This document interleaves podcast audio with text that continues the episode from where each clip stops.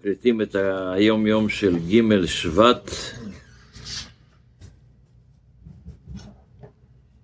הרבי כותב בג' שבט את התהליך של הדפסת הספרים, מה שאנחנו קוראים להם ספרים של אדמו"ר הזקן. בנוסף לתניא, אדמו"ר הזקן כתב עוד כמה וכמה ספרים שברוך השם יצאו לאור. אחד מהם זה תורה אור ולקוטי תורה. אז אומר הרבי שתורה האור נתפס לראשונה בשנת תקצ"ו בעיר קופלסט. אחרי זה הצמח צדק כותב שבג' שבט תקצ"ז ספר תורה האור נתפס, שהדפיסו אותו עכשיו, יש בו מאמרים ודרושים מאיזה שני של אדמו"ר הזקן, מהשנים תקנ"ו עד סוף תקע"ב. וחלק מהמאמרים, אשר הרבה מהם שם רבנו ז"ל, אדמו"ר הזקן, בעצמו עין, הוא בעצם הגיע אותם. הוא עבר עליהם, והסכימה דעתו הקדושה להביא אותם לבית הדפוס. והספר כולל שני חלקים. חלק ראשון על שני חומשי התורה, בראשית שמות, וחנוכה ופורים, וגם כמה דרושים לחג השבועות, כי בספר שמות מוזכר בפרשת מתן תורה בפרשת יתרו וקצת מאמרים על פסח בפרשת ויקהל. בחלק השני, מרצה השם, שיודפס יהיה על חמש, הפרשי, חמש הספרים, אה, על השלוש ספרים הנוספים, סליחה, ושיר השירים, ומועדים, וראש השנה, ויום כיפור.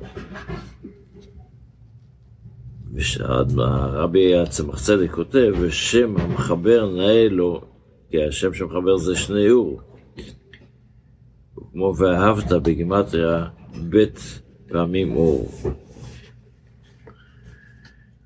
אחרי זה הרב ממשיך ואומר, לא הספיקו להדפיס רק את החלק הראשון, שנקרא תורה אור, כי היה מלשינות, היה על שנה, ואז המלשינות סגרה את כמה בתי דפוס עבריים ברוסיה.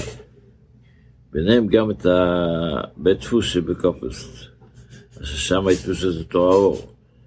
אבל רק בשנת תר"ח נתפס החלק השני בעיר אחרת ברוסיה, בשינוי השם, שנקרא ליקוטי תורה.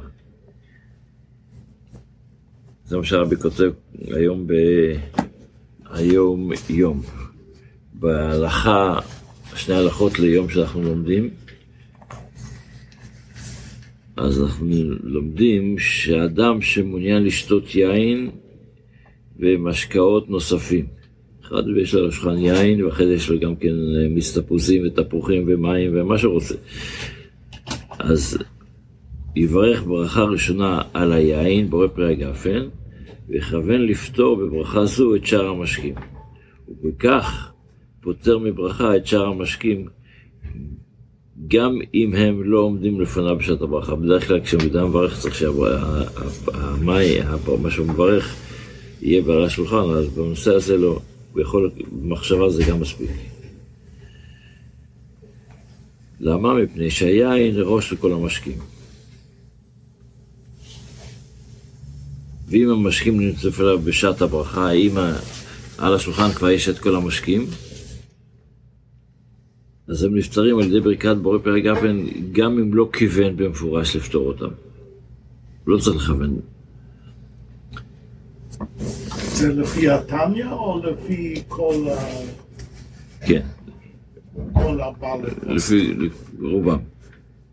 אם שתה יין, הוא ברך בו פרק גפן, ולא היו בפניו שאר המשקים, וגם לא תכנן בשעת הברכה לשתות את שאר המשקים, אז צריך לברך שהכל כששותה את שאר המשקים. זאת אומרת, אם היו לפניו, אז אפילו לא קיים. לא, אז היא כן, היא לא חושב ולא היה לפניו. אם היה לפניו זה כאילו שהוא חישב. כן.